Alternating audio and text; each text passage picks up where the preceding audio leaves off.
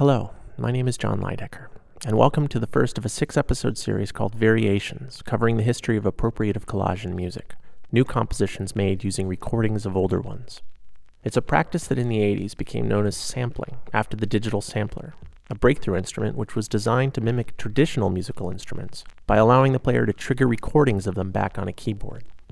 But it didn't take long for musicians to realize that the true strength of the sampler was the way in which it made it easy to collage and manipulate the best sounds from their favorite records into new pieces of music. This practice entered the popular mainstream by the 80s, long after many observers had already identified collage as the defining new art form of the 20th century, and the roots of this music go back just as far. Over the course of this series, we'll be looking at these roots as appropriative collage developed across both experimental and mainstream paths. We begin with a composer who could easily kick off almost any overview of experimental music in the United States. Charles Ives wrote exclusively for orchestral instruments and so might seem an odd figure to begin with for a history of sampling. But he is the transitional figure between composers who used the previous technology of sheet music and those who would soon avail themselves of the technology of electronic recording and mixing to combine various forms of music into a single vision. In almost every important way, sampling begins here. This is the Barn Dance from the Holiday Symphony, written in 1908, with William Strickland conducting the Imperial Tokyo Philharmonic.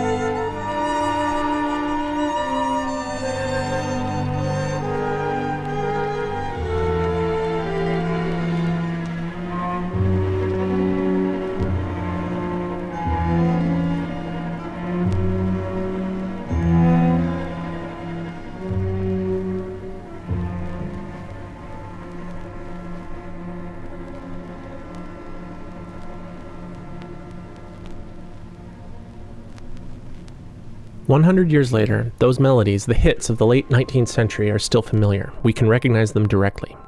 Quotation in music was nothing new. The variation, the quodlibet, the medley go back for centuries. But Ives does more than quote individual tunes. He brings you the environment in which they were played, the event itself, right down to the mistakes of musicians having too much fun and the guy on the floor joining in on mouth harp. Different instruments play the same tune as a march, as a waltz, as a polka, all at the same time. The night ramps up, then winds down, except for the drunken fiddler who keeps going. This piece wouldn't have worked if he'd written his own melodies. It needs to refer to the actual shared experience. It requires the actual tunes. But it is less about those tunes than it is a picture and sound of the way that people celebrated over 100 years ago. The words of composer Elliott Carter, who met the older Ives as a young student of music finding his own voice. As for myself, I've always been fascinated by the polyrhythmic aspect of Ives' music as well as its multiple layering but perplexed at times by the disturbing lack of musical and stylistic continuity, caused largely by the constant use of musical quotations in many works. To me, a composer develops his own personal language, suitable to express his field of experience and thought. And when he borrows music from another style and thought from his own, he's admitting that he did not really experience what he is presenting, but has to borrow from someone else who did. It is to me disappointing that Ives too frequently was unable or unwilling to invent musical material that expressed his own vision authentically, instead of relying on the material of others. But what is striking and remarkable in his work, like much of the first and second piano sonatas, is an extraordinary musical achievement. Carter's comments represent the older notion of the composer perfectly, as someone who innovates entirely through the drive of his own personal expression. But an American voice soaks in everything, and I've stayed true to the core definition of a composer simply as someone who puts things together. Ives's later music puts everything together jazz, marching bands, church hymnals, Irish and African American spirituals, ragtime, and even classical. Ives is frequently hailed for his early use of atonality well before other composers found their way to it. But upon closer listening, it is not atonality, but rather pantonality, the sound of multiple keys playing at once. The dissonances contain the most exciting harmonies yet. The point is not atonality, but rather about a music that contains as much of the world as possible. Also notable is the way that Ives sampled himself, cutting and pasting entire fragments from earlier works on top of each other, in almost exactly the same way that people would later work with magnetic tape and then computers. He created ever larger and denser pieces for orchestra through editing and revising, slowly crafting a layered world in which all of his favorite music coexisted. His work slowly moved beyond simple pictures and sound to abstract, transcendental portraits of the experience of being alive. I wish we had time to play the entire Fourth Symphony, but for now, let's hear the climax of the second movement, the comedy, as played by the Chicago Symphony, conducted by Michael Tilson Thomas.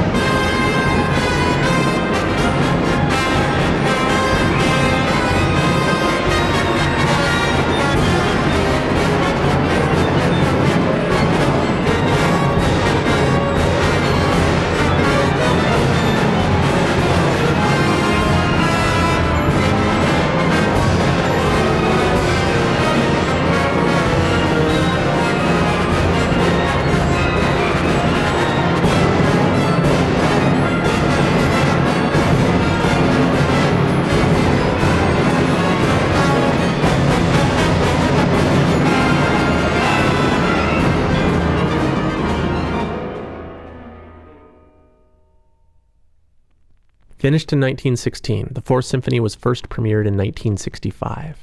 It would take half a century for musicians to be born that could relate to this level of overload well enough to play it, although the direction the culture was going was already clear.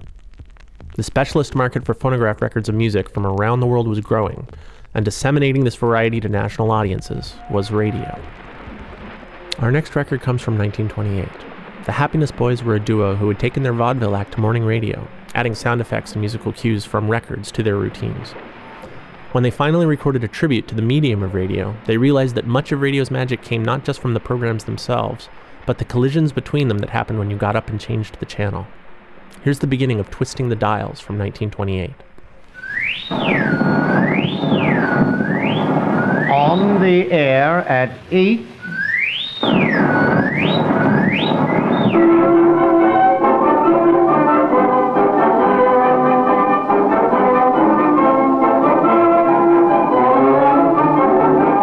Little girls and boys are gathered tonight to hear the sweet voices of. Uh, Better man than I am, Gunga. Oh, no, no, no, no, yo, oh, Matty, oh, Matty,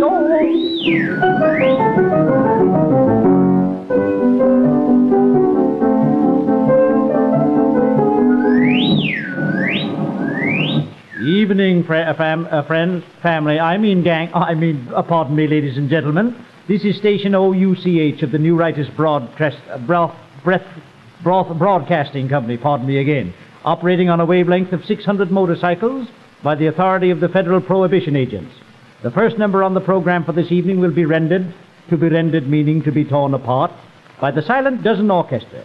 They will play as the opening selection, People Who Live in Glass Houses Shouldn't. There will be an interrupted vocal chorus sung by those famous entertainers, Pete and Repeat. So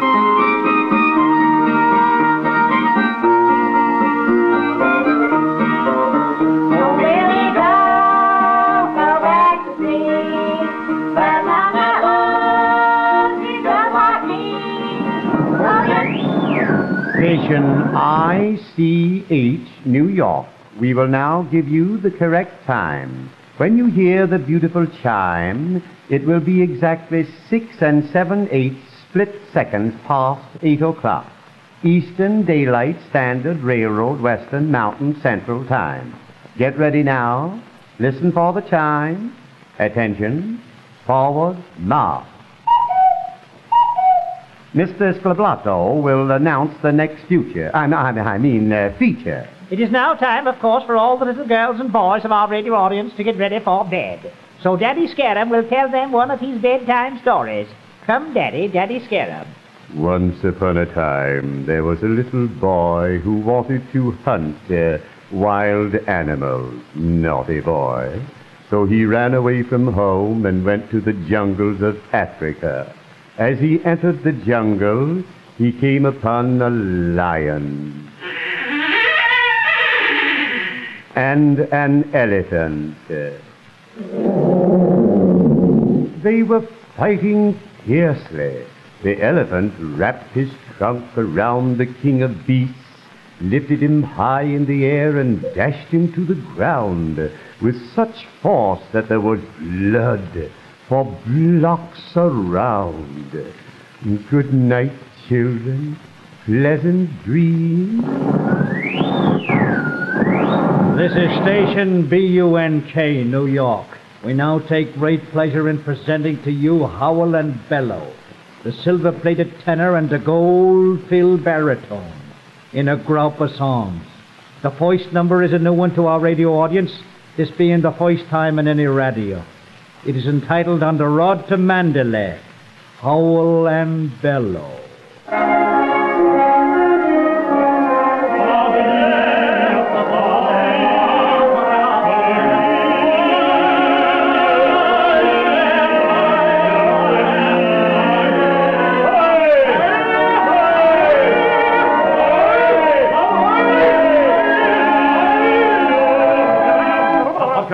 Ladies and gentlemen, owing to an SOUSE, there will be a slight pause in our program until somebody turns this record over. Note that beautifully faked shortwave radio noise. Those noisy artifacts turn up in many of the collages you'll hear in this episode. Here are two more critical bits from side two. We now hear Miss Loudest Screechum, a beautiful soprano, in an area from the opera La Bum. Come, Nellie.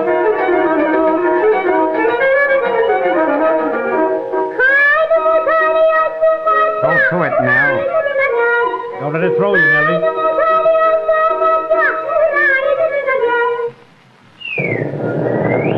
Station IOU. We are back in the studio, and we take you now to the Blue Room of the Green Hotel, where you will be entertained by the Blah Blah Saloon Orchestra in bars of classical music. Shoot, Harry.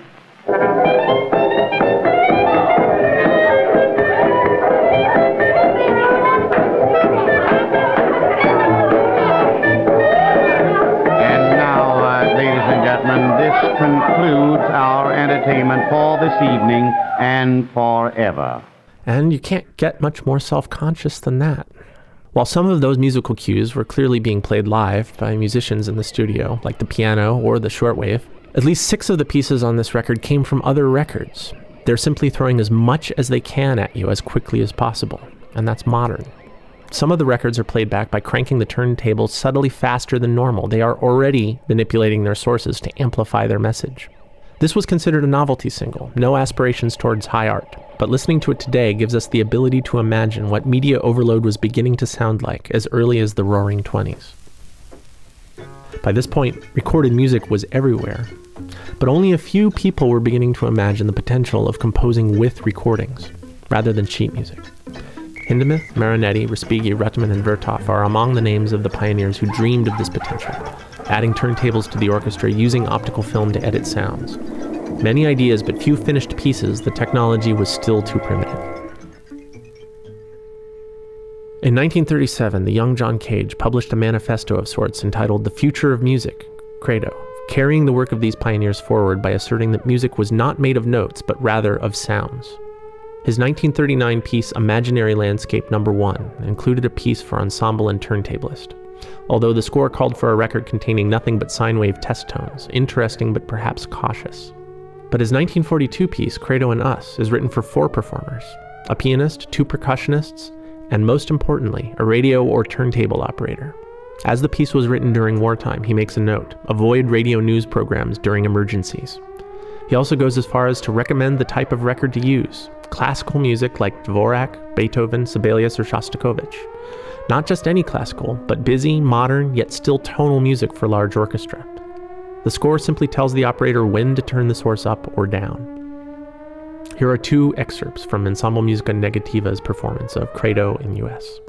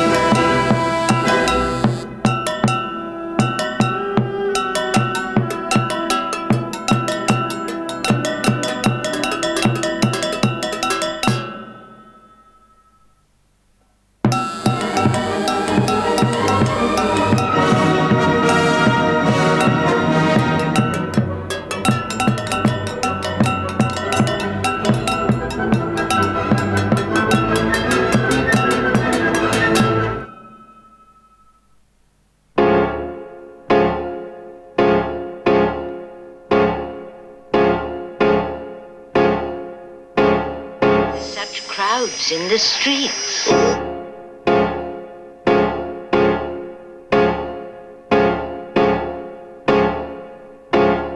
Set the house. Oh, really? Yes.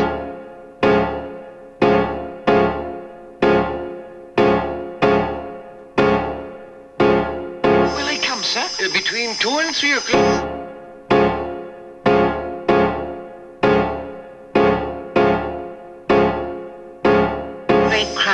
Then let's join them, Crawdon. It is for us not to be here. Mother? Not afraid, but Your cockade. Uh, cockade, sir. For the call.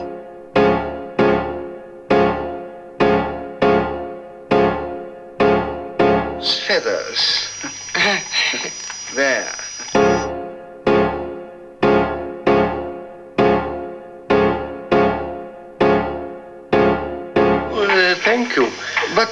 You sitting here? Why are you not gone to St. George's Field? I prefer to wait at Westminster, my lord.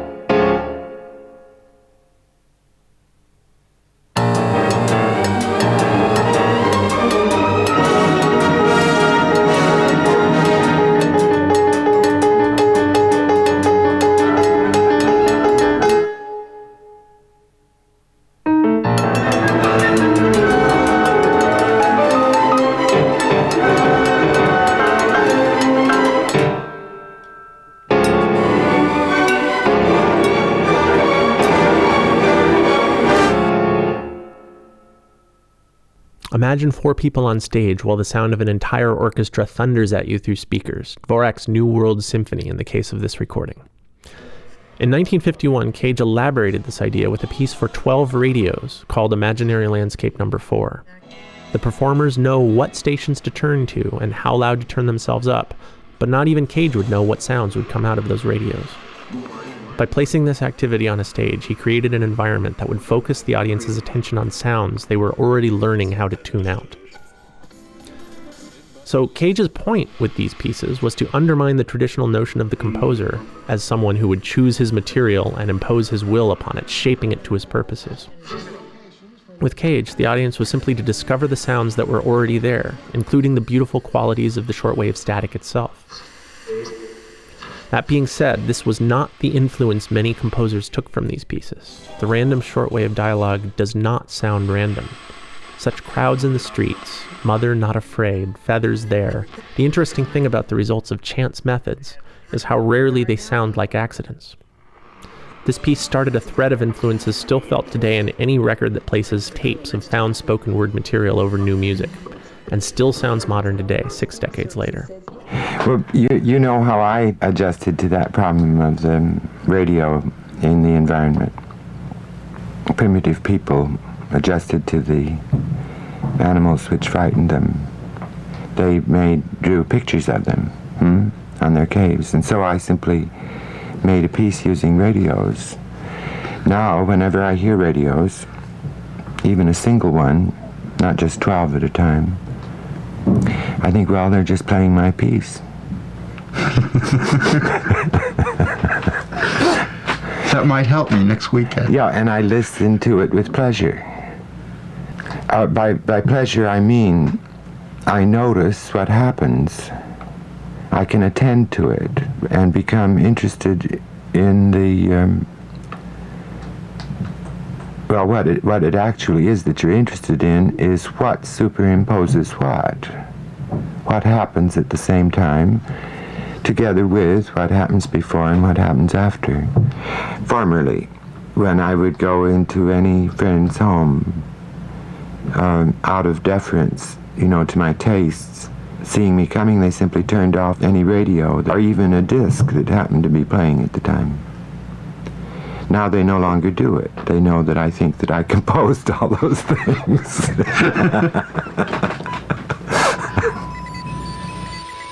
We'll play one more piece of Cages today, one of the least heard and one of the most critical. Imaginary Landscape number 5 is a score for 42 phonographic records and tape. The performer picks the records, and the score tells you how to splice them together. But that element of choice already makes this different from his pieces for radios. For the original 1952 realization, Cage chose 42 jazz records, in part because he didn't like jazz or any form of improvisation, and he wanted to overcome his aversion. He chose his materials carefully, sampling fragments from the most recognizable figures of the field, creating a three minute genre overview. In this way, it is the very first formal example of sampling collage that we have, where we can tell exactly what it is that is being sampled. It was never commercially released. When searching it out, I learned to my horror that the tape is lost, apart from this punishingly low fidelity room recording of someone playing the piece on a home stereo. We can't play all four minutes, but even just the beginning is enough to hear the idea of the piece. While we wait for the original tape to turn up, here is the room recording of Imaginary Landscape number 5 from 1952.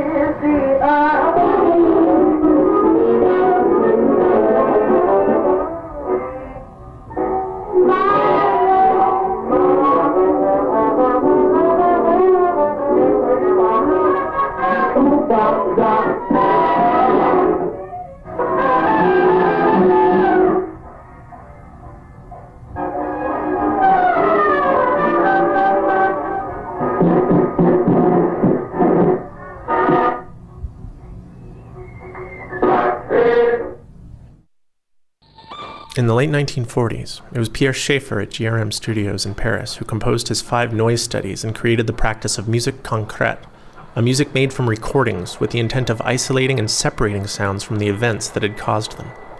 A recording of a train, of industrial machinery, of struck kitchenware now has nothing to do with its source. It can be listened to, enjoyed entirely as music in and of itself. As such, the purpose of musique concrète was not to reference the real world, but to take its sounds and render them abstract. They recorded most of their own sounds for their pieces before manipulating them with turntables and reel to reel tape decks that they physically played as instruments, including a turntable with an octave keyboard that controlled the pitch of a locked groove loop. So while they were not interested in the referentiality of later collage music, the vocabulary of things composers could do to sounds were largely worked out on these pieces, looping, pitching, and layering source material into new forms. And in hindsight, when you're using turntables as your instrument, what's surprising is how little they used sounds from other people's records in their pieces. My bet is that there were some great late night record listening parties at GRM. But there is a piece where Schaeffer took a record that he found lying around the studio and abstracted the sound into his own piece, Etude Pathétique from 1948.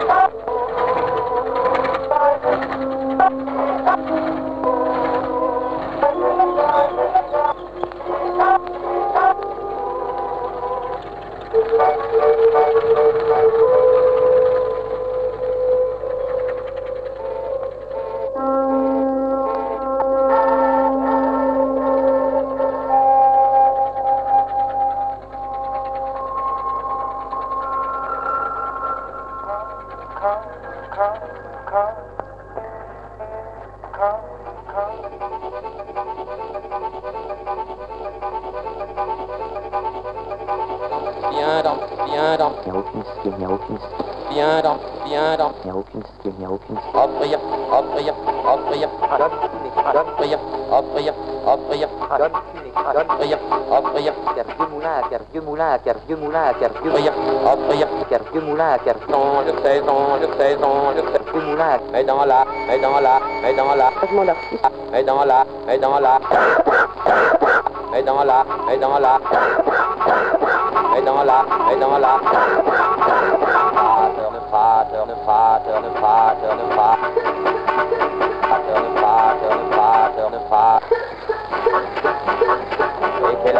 Qu'elle a, et qu'elle a, et qu'elle a, et qu'elle a,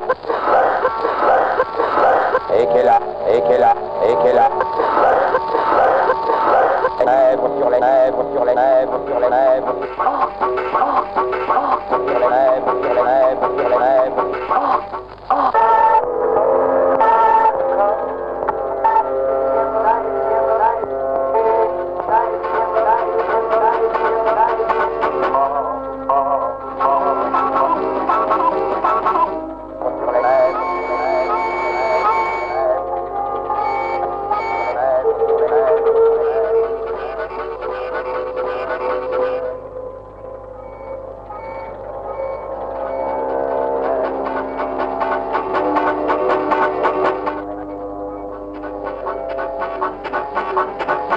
And here's Schaeffer with Pierre Henry in their Symphony for a Man Alone, specifically the one short track which makes use of orchestral recordings, now abstracted. Here's Vals from 1950.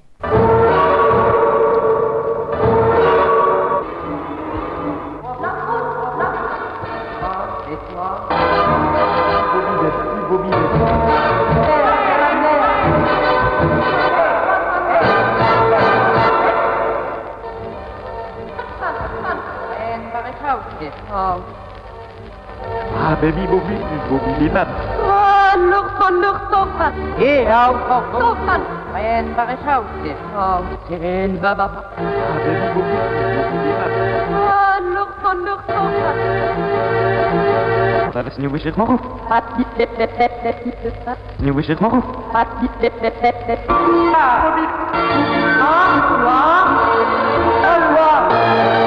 The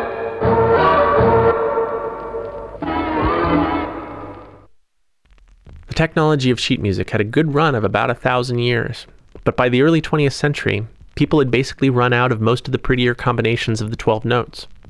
Composers eager to find their own voices felt themselves pulled or maybe pushed towards atonality and dissonance to find their own space. The early decades saw a score of bold manifestos proposing the way forward. Schoenberg's 12 tone composition provided a new set of rules for writing atonally for those who missed the old rules.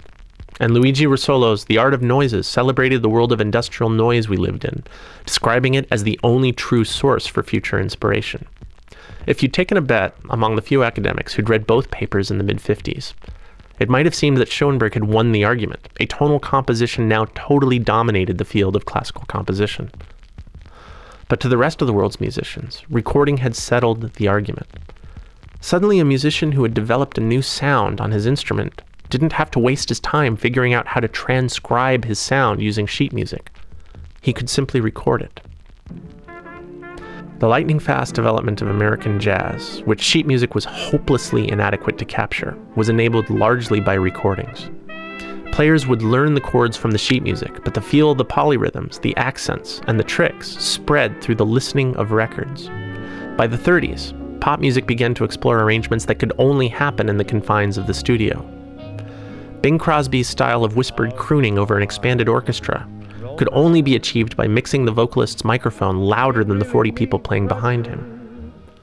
In the late 40s, Les Paul recorded huge hits alone in his garage, overdubbing every instrument himself at various speeds, and turning his wife Mary Ford into a chorus. And with the rise of rhythm and blues and rock and roll, bands who worked with the distortion and tone of their overdriven amplifiers began to realize that new sounds made for new hits. A song was suddenly recognizable within a split second of its beginning, with the tone of the first guitar chord, slapback echo, drum roll, or shout. Musicians were beginning to compose with more than notes.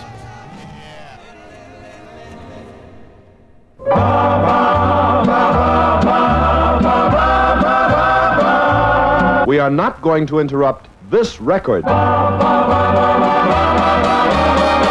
Yes, we are. In 1956, two aspiring songwriters with radio ready voices, named Bill Buchanan and Dick Goodman, harvested several years' worth of these sounds in a collage called The Flying Saucer.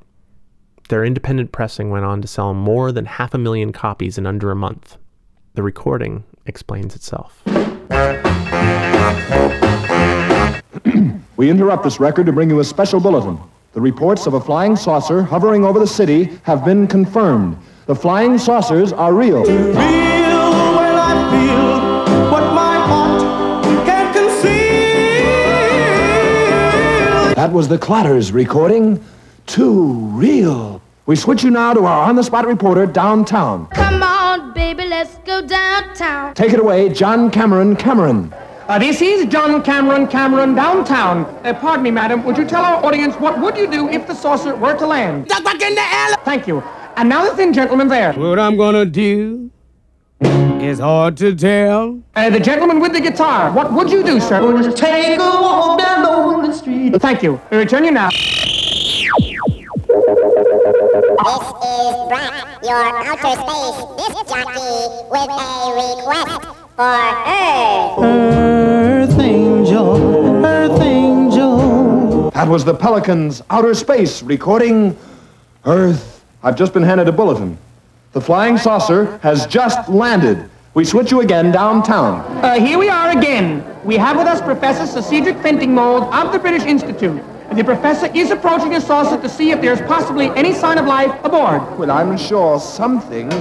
Are you there? I hear you knocking, but you can't come in. That was Laughing Lewis's record. Knocking. This is John Cameron Cameron on the spot.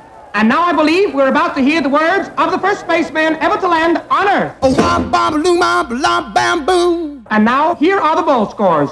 Four to three, six to two, and eight to one. The impact of seeing the first spaceman has this reporter reeling. Here I go reeling.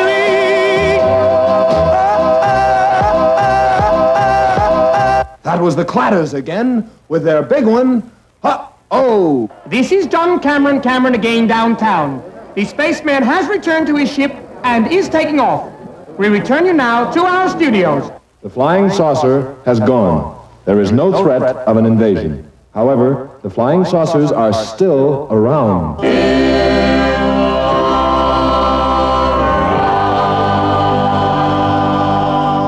The Music Publishers Protective Association took immediate legal action copyright infringement without permission. Buchanan and Goodman settled quickly, agreeing to pay 17 cents in publishing from each 89 cent copy sold, to be split among the 19 sampled artists. But the publisher's headache was just beginning. Copycat break in records hit the market, outraging publishers, and sending lawyers back to demand ever higher licensing rates. But as the lawyers went into action, it was noticed that sales of the songs that had been sampled were skyrocketing, putting the original sampled songs back onto the radio. And here's what's meant by original. In 1956, most mainstream listeners were only familiar with these songs through the cover versions by white artists. The original black artists were considered a dangerous influence on teenagers. Buchanan and Goodman's collage used the original recordings, packing 19 samples into three minutes, and creating an overview of the real pioneers of the new pop music. Because it was a novelty single, it broke white radio. But in doing so, it lifted the curtain. A publishing representative was quoted in Time magazine as saying, It's the greatest sampler of all. If you're not on Saucer, you're nowhere. I'd like to play their follow up single, Buchanan and Goodman on Trial. Be on the lookout for Buchanan and Goodman, last seen wearing Black denim trousers and motorcycle boots. Look out! They're after us! Let's get out of here.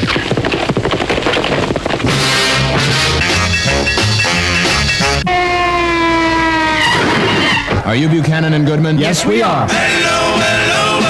Well, this is a summons. You're under arrest. This is Don Cameron Cameron in court. The trial of Buchanan and Goodman is now in session. Is the district attorney ready? I'm ready. ready, ready I'm ready. Call the first witness. Uh, what is your name? They often call me Speedo, but my real name is Mister. What is your complaint against Buchanan and Goodman? They wouldn't give me a ride in their flying saucer. Call the next witness. What took you so long? I crashed into the jungle. Your Honor, I object. What have you got to say? Order, order the court. Call the next witness. Uh, aren't you Skinny Dynamo? Yes, it's me and I'm in. Buchanan and Goodman, have you anything to say? You ain't nothing but a hound dog. Order! Order! Ladies and gentlemen of the jury, you may leave the room. Meanwhile, back in the jury room.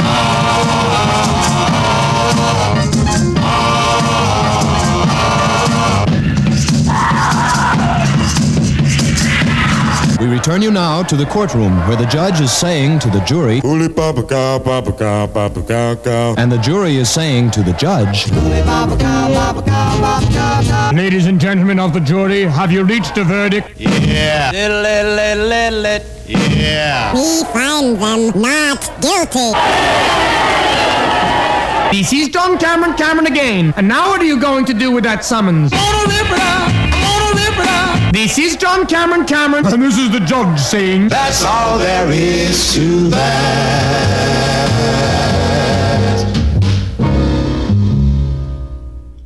By this point, they're just showing off. That cut to Fats Domino on the downbeat of the Dragnet theme isn't just editing, it's composition. Radio station IDs and station promos still use this rapid fire style today. If the time span of the music they sampled makes this into a bit of a time capsule, the capsule is the same shape as the ones we're making today. The sounds have changed, but the structures are the same.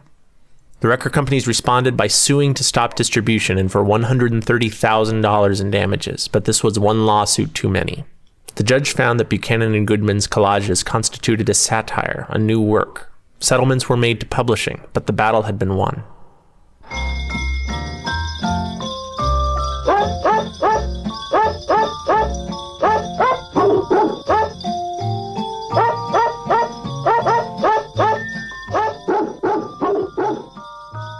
It didn't take long for the techniques of musique concrète to begin showing up in popular music, although always in the context of novelty singles.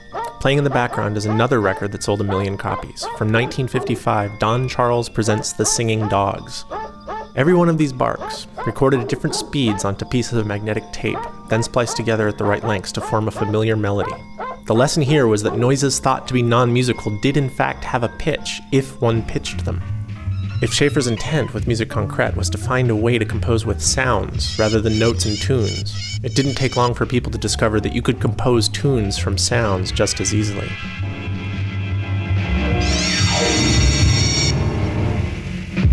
As a side note, in 1956, Canadian composer and inventor Hugh LeCaine responded to the Singing Dogs by seeing if he could make a tune out of an even more annoying sound, a direct sample of the climax of Alban Berg's opera Lulu, the shriek of the lead character being stabbed to death by Jack the Ripper. Here's LeCaine's Arcane Presents Lulu.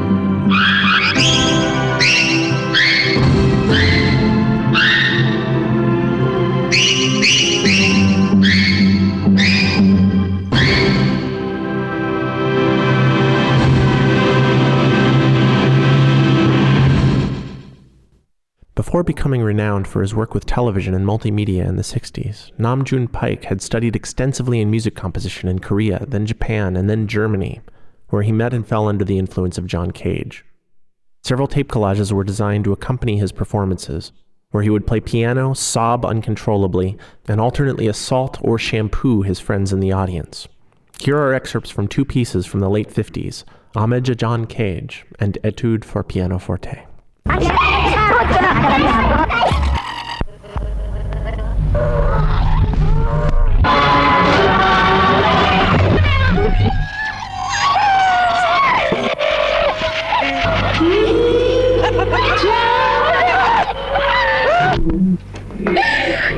هنا هتعمل إيه هتضحى عينك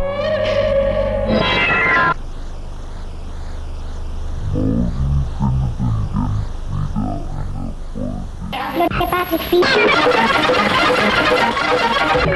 it's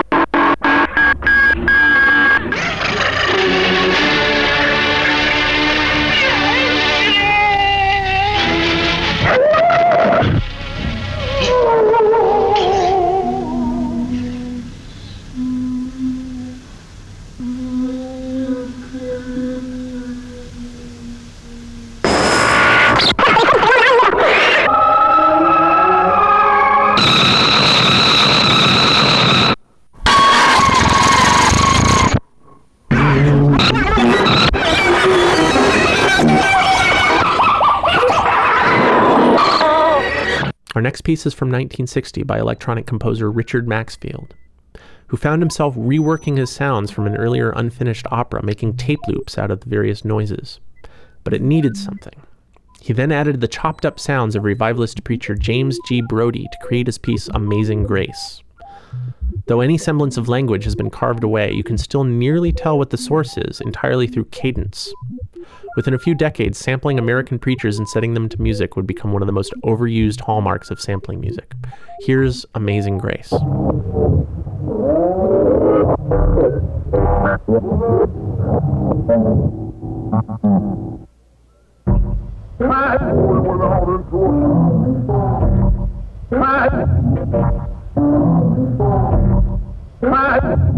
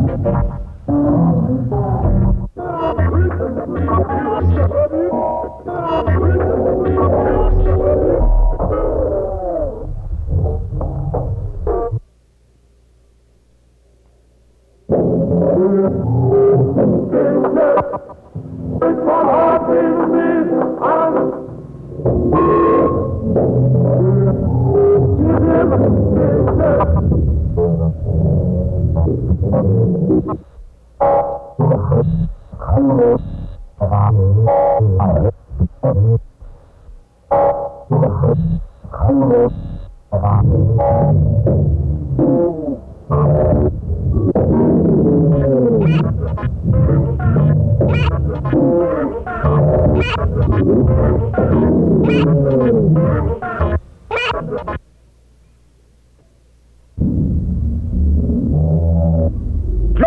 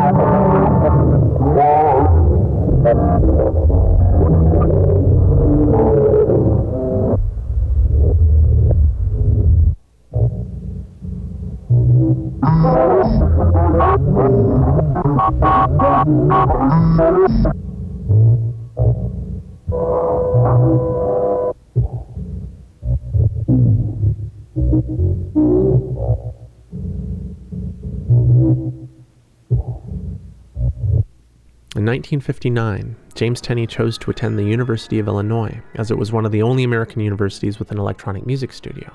His early attempts to compose with electronics failed to produce a piece. The synthetic character of the sounds resisted all attempts to turn them into music. After two frustrating years, he suddenly realized why not just use the most exciting sound possible? What was there to stop him? Assembled in one feverish week of editing, here is James Tenney's collage number one, Blue Suede,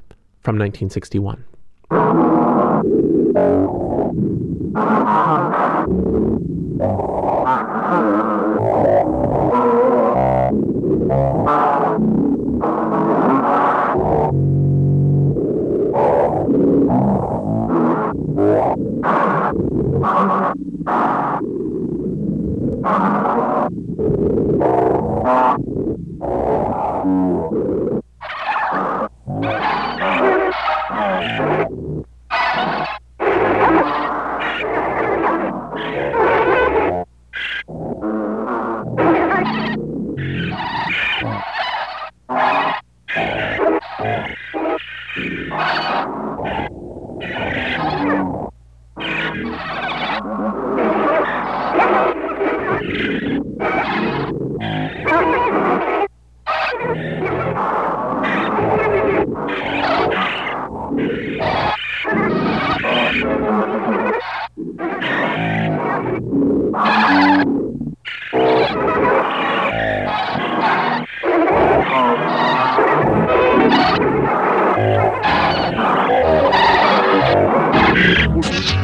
me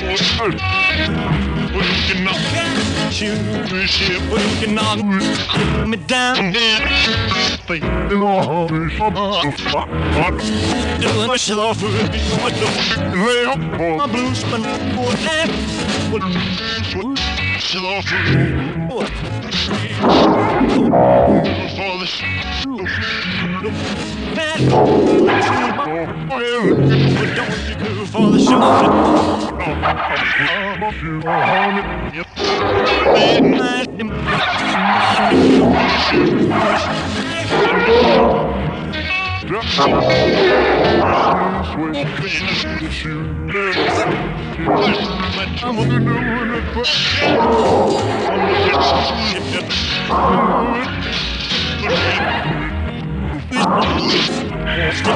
my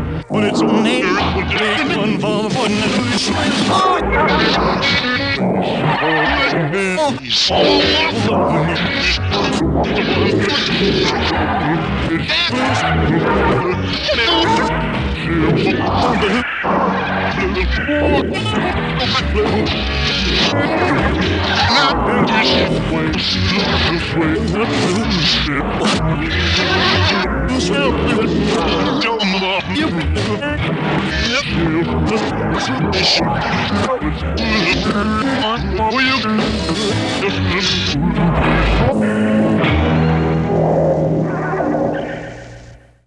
were many tape collage pieces in the air by 1961, but if there is a work that can claim to be the first remix of a song, it's probably this one. All sounds are directly manipulated and transformed from one original recording by Elvis Presley. The result would never be mistaken for another pop song. The lyrics, the rhythmic tempo, and the melody have all been atomized. All that is left are the sounds, but now in a shape that allows us to actually hear the sounds for what they are. The song itself has been cut away by Tenney's razor blades. Tenney went on to write his graduate thesis, later published as Meta Hodos, which proposed new ways to analyze this new music, the identity of which lay not in its notes and melodies, but in the irreducible complexity of its sounds. The vocabulary mapped out by Musique Concrète now gave the composer the ability to layer, transpose, and manipulate any recorded sound. And with the rise of rock, swimming in unique sounds for each song, the new variation was obviously going to be one which would directly avail itself of the sounds of the original piece. People don't want a ripoff of the thing. A composer who wanted to work with a sound, a specific sound. was now free to take it. This brings us to the ending of the first episode of Variations, which covered 1909 to 1961. For the second episode, we'll go through the collages composed in the 60s, the decades when the first generation of post war children grew up and started talking back to their parents in the language they'd been taught, raised on radio, records, and television. Until then, this is Jon Leidecker, and thanks for listening.